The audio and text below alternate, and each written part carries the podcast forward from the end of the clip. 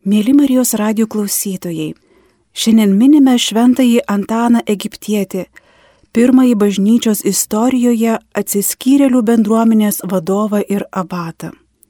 Prie mikrofono tekstą skaito sesuo Agnė Steponėnaitė.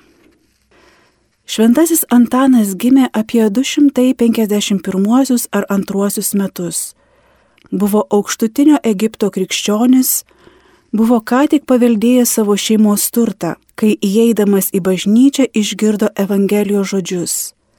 Jeigu nori būti tobulas, eik, parduok, ką turi, išdalink vargšams ir sek paskui mane.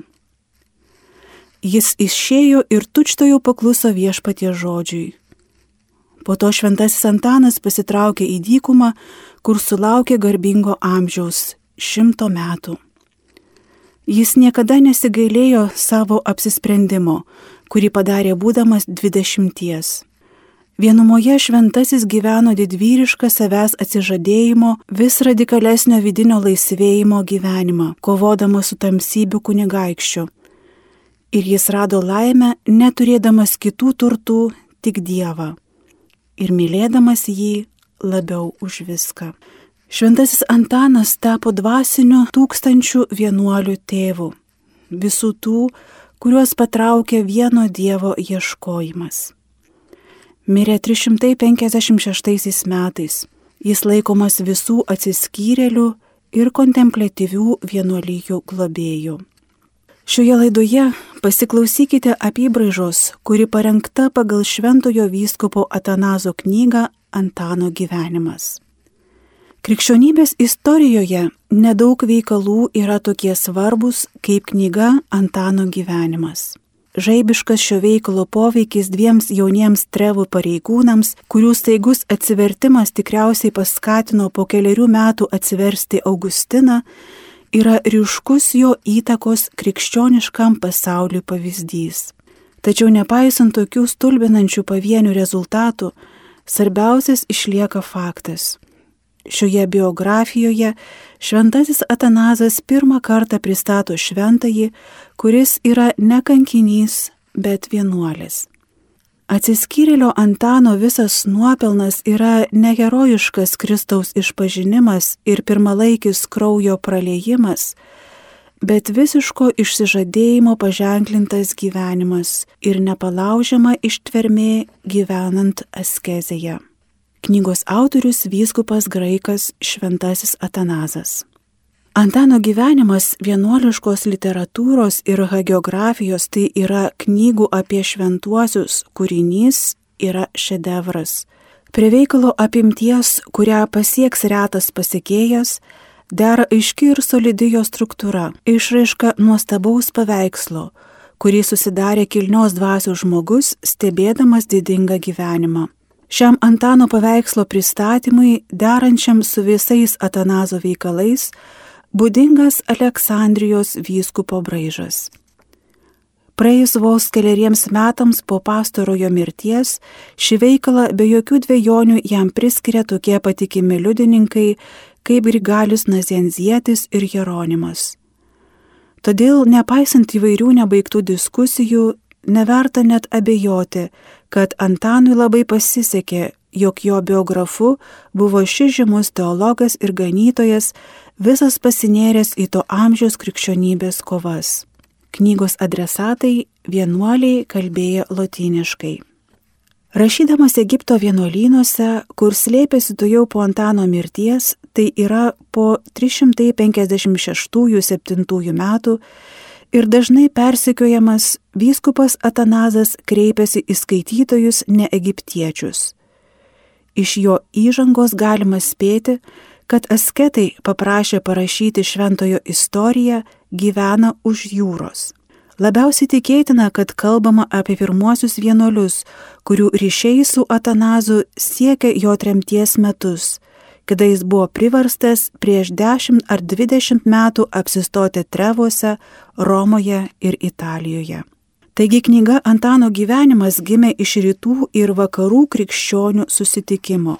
Veikalas yra autoriaus graiko atsakymas lotynų publikai. Paminėdamas, kad pagrindinis herojus yra koptas, Šventasis Atanazas nekart pabrėžia, kad šventasis Antanas nemokėjo graikų kalbos. Šis bruožas paženklina vienuolio literatūrą ir gyvenimą. Dėl ypatingo fakto, kurio istorikai tinkamai dar neįvertino, Šventojo Antano gyvenimas tapo dviejų didelių rytų ir vakarų bažnyčių jungtimi.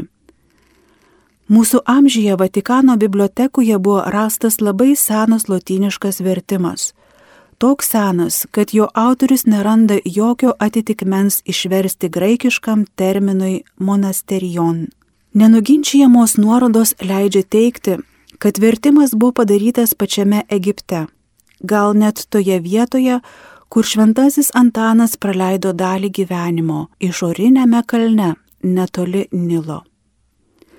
Labai tikėtina, kad jeigu jo autorius nėra pats Atanazas, Tuomet tai bus pasiuntiniai iš vakarų atėję jo prašyti, kad jis parašytų. Antano gyvenimas skirtas skaitytojams lotynams, kurių dauguma nemokėjo graikų kalbos, turėjo būti nedelsiant išverstas į lotynų kalbą. Taigi tikėtina, kad senasis vertimas, kuris buvo surastas Romoje, gali būti graikiško originalo dvinys. Su pastaruoju jis sudaro tarsi leidimą dviem kalbomis. Siužetas, autorius, publika, atsiradimo būdas - visa pasitarnauja, kad knyga Antano gyvenimas taptų ekumeniniu įvykiu, galinčiu suvienyti Kristaus mokinius, nepaisant atstumo, kultūrų ir laiko skirtumų. Tačiau ši jo gale sujungti nekyla vien tik ar daugiausiai iš tų aplinkybių, kurias mes ką tik paminėjome Visų pirma, taip yra dėl prigimties paties veikalo, kuris iš esmės yra labai krikščioniškas, nešantis gilę ir tyrą Evangelijos žinę. Visas ilgas Šventojo Antano gyvenimas rutuliojasi trimis etapais. Po pusiau bendruomeninės pradžios ir dvidešimties metų atsiskirimo dikumoje jis tampa daugybės mokinių mokytoju Savus mokinius ilgai moko apie asketinį gyvenimą ir pradeda daryti įtaką net pasauliečiams. Tačiau didėjantis populiarumas jam kelia baimę ir jis vėl pasitraukia į dykumos gilumą, kur miršta maždaug po 45 metų, matydamas, kad jo įtaka apgaubė visą Egiptą ir net siekia daug toliau. Visuose šiuose etapuose pastebimas dvigubas judesys nutolinantis šventąjį nuo visuomenės ir paradoksaliai jį padarantis nuolatos joje vis labiau esantį. Apie save jis galėtų pasakyti savo mokytojo Kristaus žodžiais. Jums geriau, kad aš iškeliauju. Kadangi jo gilus noras patikti vien tik Dievui ir iš to kylantis atsiskirimas nuo žmonių, viešpaties rankose jį paverčia begalinės geradarybės įrankiu. Kiekvienas atsiskyrėliško gyvenimo kelio etapas yra įkveptas tikros krikščioniškos dvasios. Apie Antano sprendimą pasirinkti išsižadėjimo kelią, kurį paskatino Evangelija ir apaštalų darbai, Atanazas papasakoja labai paprastai, nes nereikia nieko komentuoti. Galbūt mums mažiau akivaizdu, tačiau vėlesnių jo etapų paskatos be jokios abejonės taip pat yra biblinės. Žinoma, tie trys askezės uždaviniai, kuriuos užsibrėžė jaunasis Antanas, kaip beje ir pats askezės terminas, turi ryšių su graikiškąja kultūra ir filosofija.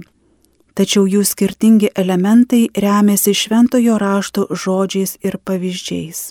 Asketinių uždavinių seka, susidedanti iš terminų po 2, 3 ar 4 narius, prasideda dėmesingumu savo pačiam ir ištvermingumu. Tai dvi fundamentalios laikysenos, kurių pirmoji yra Dievo paraginimo pakartotojo įstatymo knygoje atgarsis, o antroji primena griežtą Pauliaus savidiscipliną. Po to seka trejetas vienuolio užsiemimų rankų darbas, nuolatinė malda ir atidumas šventojo rašto skaitiniams. Šiuo atveju darbas ir malda aiškiai pagristi apaštalo žodžiais iš antrojo laiško tesalonikiečiams trečiojo skyriaus. O užsiminėk skaitimu taip pat yra Pauliaus patarimas savo mokiniui. Vertime sušvelnintas priežasties ir pasiekmės ryšys iš ties nustato, kad pastaroji veikla pagrindžia ir įkvepia dvi pirmasias. Iš tiesų Antanas dirba ir be paliovos meldžiasi būtent todėl, kad būdamas atidus Dievo žodžiui šventajame rašte, iš jo semėsi naujų impulsų triūsui ir maldai. Vėliau, užpultas pagundų, jaunasis išsižadėtojas apsimarina keturiais būdais - naktiniais būdėjimais, pasninkų, gulėjimu ant kietos žemės, atsisakymu įsitrinti kūną aliejumi. Savanoriškas miego ir maisto apribojimas - tai ne vien biblinio asmens veiksmas, pradedant pačiu Kristumi.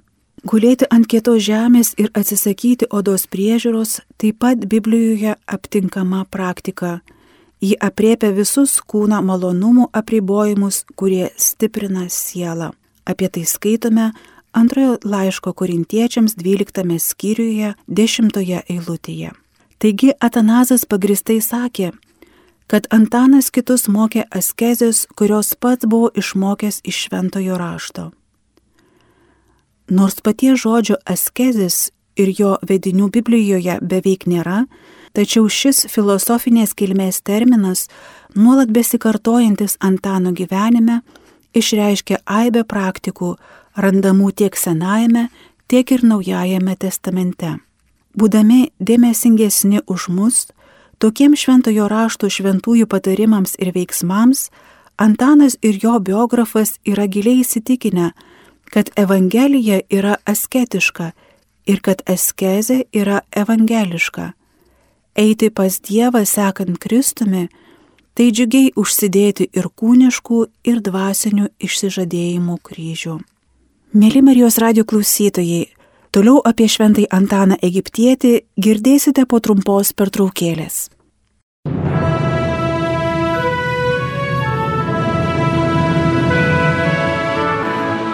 Jūs girdite Marijos radiją.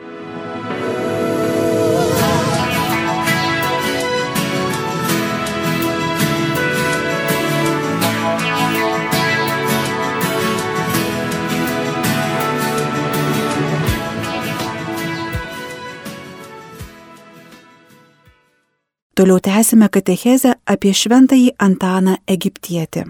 Prie mikrofono sesuo Agnės Teponienai. Šventasis Antanas ateina į dykumą. Belieka aptarti paskutinį šio asketizmo bruožą, kuris yra ir būdingiausias, ir labiausiai gluminantis - pasitraukimą į vienatvę arba anachorezę. Iš gyvenvietės pakraščio, kur 15 metų bendravo su kitais vienuoliais, staiga pastumėtas drąsios iniciatyvos, Antanas pasitraukė į visišką vienatvę ir atsiskyrė, pirmiausia apsigyvendamas kape toli nuo gyvenamų vietų, po to apleistame forte pačioje dykumoje. Pirmasis atsiskirimo etapas, kai jis patyrė žiaurius velnio antpolius, buvo tik įvadinė trumpalaikė patirtis. O antrasis etapas tęsiasi 20 metų ir baigėsi tik dėl išorinių priežasčių. Dievo vyrų susižavėję žmonės išlaužė jo duris ir privertė jį išeiti.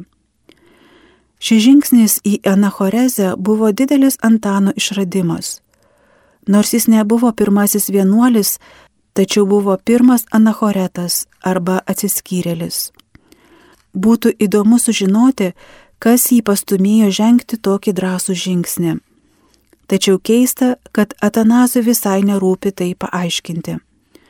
Ši tyla yra labai reikšminga. Šio didžio vyskupo kovotojo, kuris ne tik netausojo savo paties jėgų, bet dar ir kitus mobilizavo tarnauti bažnyčiai požiūriu, pasitraukimas į dykumą, visiška vienatvė ir net visiškas užsidarimas yra tokie sektini ir stebėtini žygdarbiai, kad jų nebereikia pateisinti. Vis dėlto Atanazo pasakojimas leidžia nuspėti Antano motyvus. Dar prieš pasitraukdamas į kapines šventasis meditavo apie pranašą Elyją. Iš pradžių jam pranašas davė nenuilstamų pastangų ir kasdienės naujos pradžios pavyzdį. Po to jis tapo visuotiniu pradininku. Antanas savo kartodavo, kad asketas turi nuolatos semtis iš didžiojo Elijo gyvenimo, jame įtveidrodyje regėdamas, koks turi būti jo paties gyvenimas. Tuoj po to įvykęs Antano išėjimas yra šio postulato išvada Pirmojo krikščionių atsiskyrėlio pasitraukimas į nuošalę seka senojo pranašo pavyzdžių. Čia būtų galima prieštarauti, kad pavyzdys yra labai senas. Nejaugi naujas Kristaus vynas turi būti pilamas į senus vynmaišius. Tačiau Elijas atgimsta kaip Jonas Krikštytojas, pasirodo Kristaus atsimainimo metu, sugrįž laikų pabaigoje. Naujajame testamente Elijas priklauso tiems Biblijos šventiesiems, neatskiriamiems nuo jų vienintelio viešpaties, kuriuo sekti krikščionybė nuolat įsako. Jo pavyzdžio kartus dikumoje esančių Kristumi pakanka gimti eremitiniai jaunojo Antano iniciatyvai. Šią pirmąją Elijo globojamą anachorezę vėliau po 25 metų lydės kitas, naujas atsitraukimas. Šį kartą Antaną vedė pats Dievas. Nors Antanas buvo sumanęs eiti į kitą kraštą, kur ketino gyventi kaip svetim šalis, 60 metį senolį dieviškasis balsas paragino eiti į dykumą, į kraštutinę vienatvę, vadinamą vidinę dykumą, netoli Raudonosios jūros daugelio dienų kelio atstumu nuo Nilo. Šis šaukimas iš aukštybių, retrospektyviai sutvirtindamas kitados anachoreto priimtą sprendimą, galutinai pašventina eremitišką pašaukimą. Nors šiuo atveju kalbėjo pats viešpats, tačiau pranašo Elijo asmenybė išlieka šios antrosios kartu ir paskutinės anachorezės antrajame plane. Tai aiškiai matyti, kad du kartus Dievas ir Antanas pasikeitė klausimais ir atsakymais. Šis ant Nilo kranto vykęs dialogas yra aiškus viešpaties pokalbio su pranašu ant Horebo kalno atgarsis. Elijas parodęs atsiskyrėlio gyvenimo pavyzdį, dabar tampa žmogus, kurį veda Dievas modeliu. Kaip kitados pranašas, taip dabar Antanas yra pavaldus Dievo vedimui ir įsikūrė savo aukštajame kalne, vidinėje dykumoje, pamiltoje vietoje, kurią pats viešpats jam nurodė. Demonų pralaimėjimas. Taigi anachorezė tai Dievui mielas gyvenimo būdas. Eremitizmas - būklė, kur išsipildo jo valia. Nuolatiniai velnio antpoliai savo ruoštų įrodo dvasinę apsisprendimo gyventi dykumoje vertę. Kapai ir dykuma mirties ir vienatvės vietos yra velnio įtakos sfera ir jis negali pakesti, kad kas nors brautųsi į jo teritoriją ir mestų jam iššūkį. Krikščioniška askezė, kurios jis nekenčia, čia pasiekia ribinį išsižadėjimą. Taip pat čia Dievo žmogus be tarpininkų ir pašalinės pagalbos akis į akį susiduria su piktosiomis dvasiomis ir išsilavina įgūdį jas skirti ir perprasti jų taktikas. Tokiu būdu kasdien kovojant suformuluojamos taisyklės įgalinančios skirti dvasias. Ir tas taisyklės Antanas perteikė savo mokiniams ir taiko kaip puikiausia priemonė sieloms gydyti. Atanazo demonologija yra labai gausi Antano gyvenime velnės užima labai daug vietos. Harnackas dėl to karčiai skundėsi, bet nejaugi jis teisus. Iš ties, nei Antano žodžiai šią temą, nei pasakojimas apie jo nuolatinės grumtines su demonais neturi nieko slegiančio. Visas veikalas nuo pradžios iki pat pabaigos yra tarsi padėkos himnas Kristui dėl jo pergalės prieš blogį. Tokie triumfo akcentai girdimi ne vien tik šventojo išmėginimų laikotarpiais, kurie iš tikrųjų tęsiasi visą jo gyvenimą, bet ir jo pamokomoje kalboje apie askezę, kurios didžioji dalis yra skirta būtent paskelbti piktųjų dvasių pralaimėjimui ir išvaryti jų įkveptai baimiai. Kaip ir kituose savo veikaluose, Antano gyvenime Atanazas pateikė išlaisvinimo naujieną, kuri yra labai pozityvi ir stulbinamai optimistinė. Riškesni Šventojo Antano ir jo biografo šios temos akcentai vertinami ano laikmečio kontekste, kada Egiptas ypač pasižymėjo gausiu įvairios kilmės dvasingumu, neturėtų mūsų prislėgti kaip apsėdimas, bet juos reikėtų priimti tokius, kokie jie iš tikrųjų yra. Tai yra kaip didelės ir veiksmingas egzorcizmo pastangas. Kitaip nei demonologija, Antano gyvenime stebuklai užima palyginti nedaug vietos, kurią vėlesni hagiografai turės polinkį praplėsti. Šie nuostaba keliantis įvykiai, daugiausia sutelkti gana trumpame skyrelėje, yra pateikiami su aiškiai išreikšta intencija akivaizdžiai parodyti jų tikrojo ir vienintelio autoriaus - Kristaus visagalybę. Atanazas pradėjęs kovą be pasigailėjimo su politeizmu, saugosi, kad nepaverstų savo herojaus pusdievių, turinčių ant žmogiškų galių. Garsindamas Antano asmenį, jis nori išaukštinti įsikūnijusi Dievo žodį. Laisvas ir išgelbėtas žmogus. Iš tiesų šventas vienuolis iš šio vienintelio išganytojo gauna ne vien tik galę daryti stebuklus jo vardu, bet ir svarbiausia - vidinę malonę, kuri šventąjį padaro demono ir aistrų nugalėtoju. Šis tikėjimas Kristaus gale ir išganimu pagimdo beribę viltį. Žmogus gali atsikratyti bet kokios įdos ir nuolatos darytis geresnis savo pastangomis, kurias palaiko dieviška malonė. Visa ilgo Antano pamokymo apie eskezę pradžioje rutuliojama ši tema. Pasiektus rezultatus laikyti nieku, kasdien pradėti vis iš naujo ir nuolatos daryti pažangą. Toks pasitikėjimas atpirkto žmogaus sugebėjimu tobulėti suteikia Atanazo veikalui galingą impulsą, žvalaus ir gaivinančio dinamizmo, neprilykstamą dvasinį bruožą.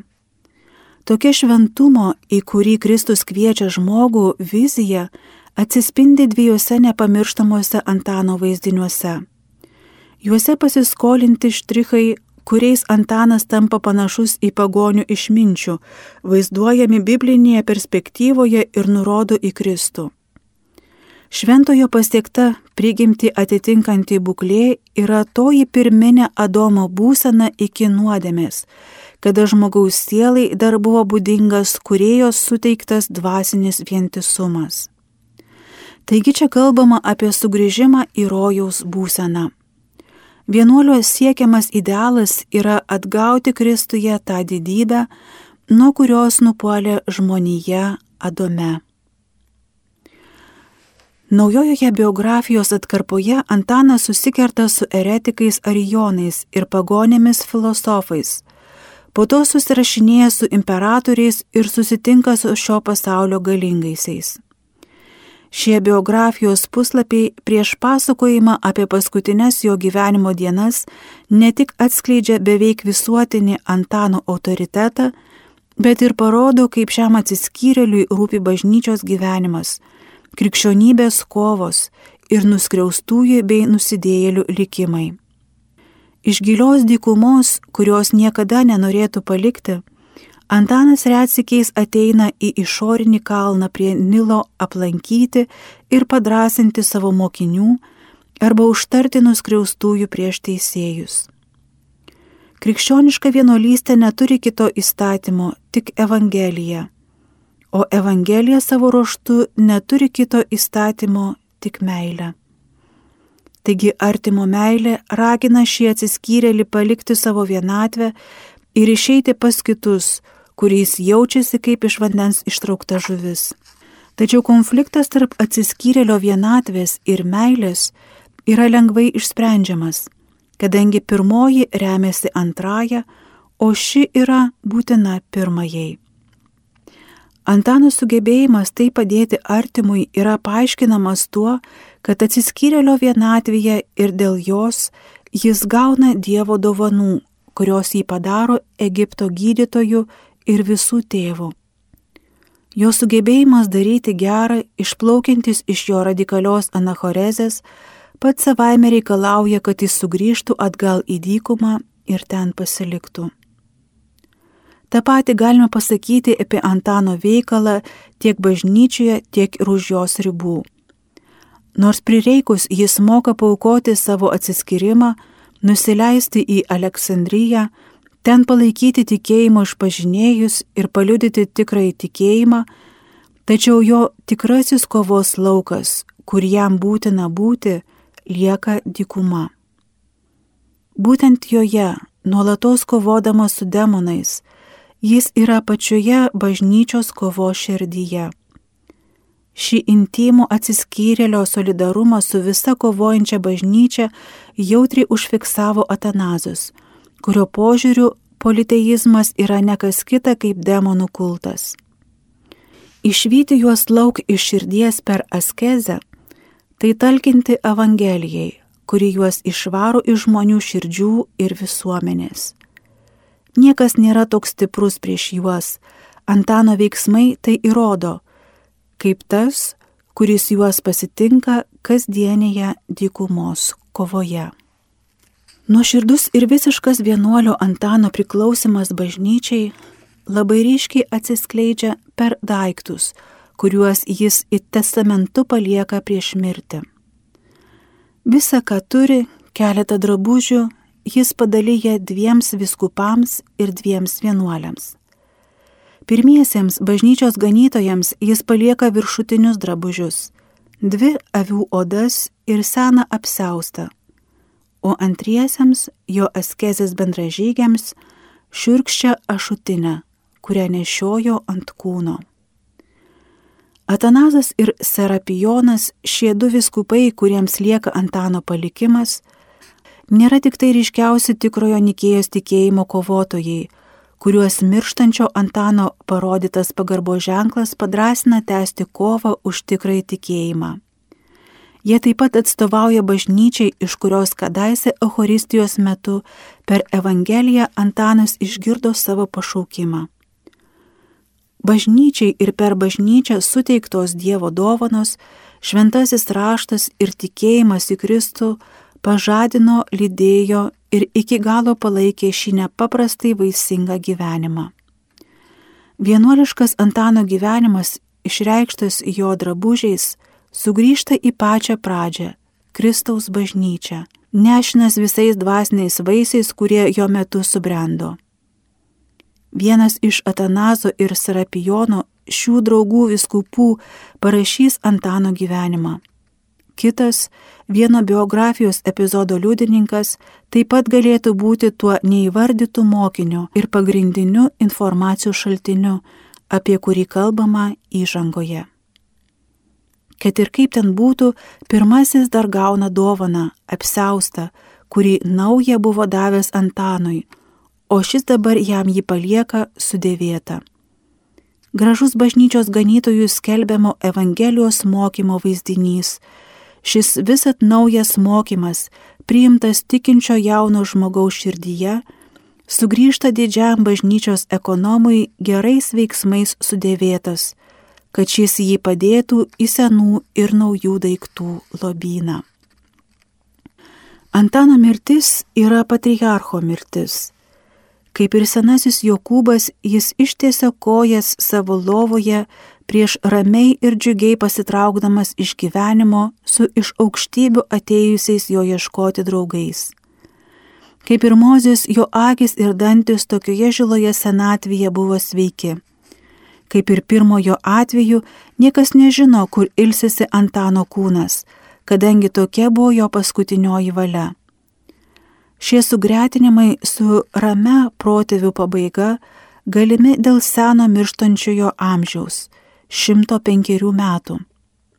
Antano mirtis neturi jokių kankinystės bruožų, visas jo gyvenimas buvo kankinystė ir ji nepanaši į Jėzaus mirtį. Tačiau šis mokinio ir mokytojo skirtumas, kurių beje būtų galima rasti ir daugiau, nekliudo tam faktui, kad Atanazo biografijos fone visuomet lieka Evangelijos. Pamaldi Antano vaikystė, paklusnumas tėvams, domėjimasis vien tik Dievo reikalais, pašaukimas, kurį jis išgirsta iš Kristaus, velnio pagundos dikumoje ilga inauguracinė kalba, lydima stebuklų ir egzorcizmų, pamokymai ir susidūrimai, visa tai primena sinoptikus, ypač Luką ir Matą. Atanazų literatūrinio modelio klausimas, kuris visą amžių buvo karštai sprendžiamas be jokios naudos, būtų atsakytas, jeigu būtų žvelgiama tą linkme, kur link savaime suprantama didysis vyskupas buvo nukreipęs savo akis tai yra į Evangelijas. Visos biografo, kaip ir paties herojaus mintis, aiškiai ar užuominomis remiasi Jėzaus istorija. Labiau negu bet koks pagoniškas modelis paties Kristaus veiksmai ir Evangelijos formavo Atanazo pasakojimą ir Antano gyvenimą. Taigi Antano gyvenimas net pačia savo literatūrinę formą skelbia glaudžią sandorą tarp gimstančios vienuolystės ir jau kelis amžius gyvuojančios krikščionybės. Hierarcho Egipto katalikų bendruomenės vadovo veikalas yra vienuolystės gimimo ir pripažinimo aktas, vienuolystės priimamos į bažnyčios bendruomenę pagal visus reikalavimus kaip teisėtų ir daug žadančio Kristaus bažnyčios vaiko. Antaną paprastą pasaulietį vyskupas Atanazas sveikina kaip Dievo vyrą, prilykstantį pranašams ir apaštalams. Ir vien dėl to, kad vienuoliška askezė, kurios viršūnę Antanas pasiekė atsiskyrėlio gyvenimo kelyje, yra Evangelijos ir visos Biblijos raudonoji gyja. Antano kanonizacija reiškia kanoninį vienuolystės įteisinimą net būdamas toks kraštutinai eremitiškas, užgimstantis asketinis judėjimas yra ne koks nors ezoterinis judėjimas ar sekta, bet žygiuojanti vienos bažnyčios kolona ir jos jėtės smaigalys. Tai maldos, tylos, klausimosi ir Dievo valios pažinimo bei vykdymo ženklas visiems laikams. Šventasis Antanas, abatas ir atsiskyrėlis visai bažnyčiai primena apie radikalų gyvenimo būdą, kuris nuolat kelia klausimą, o kaip aš seku paskui viešpati Jėzų Kristų, jo mokinystės kelyje. Tekstą apie šventąjį Antaną Egiptietį skaitė sesuo Agne Steponėnaitė.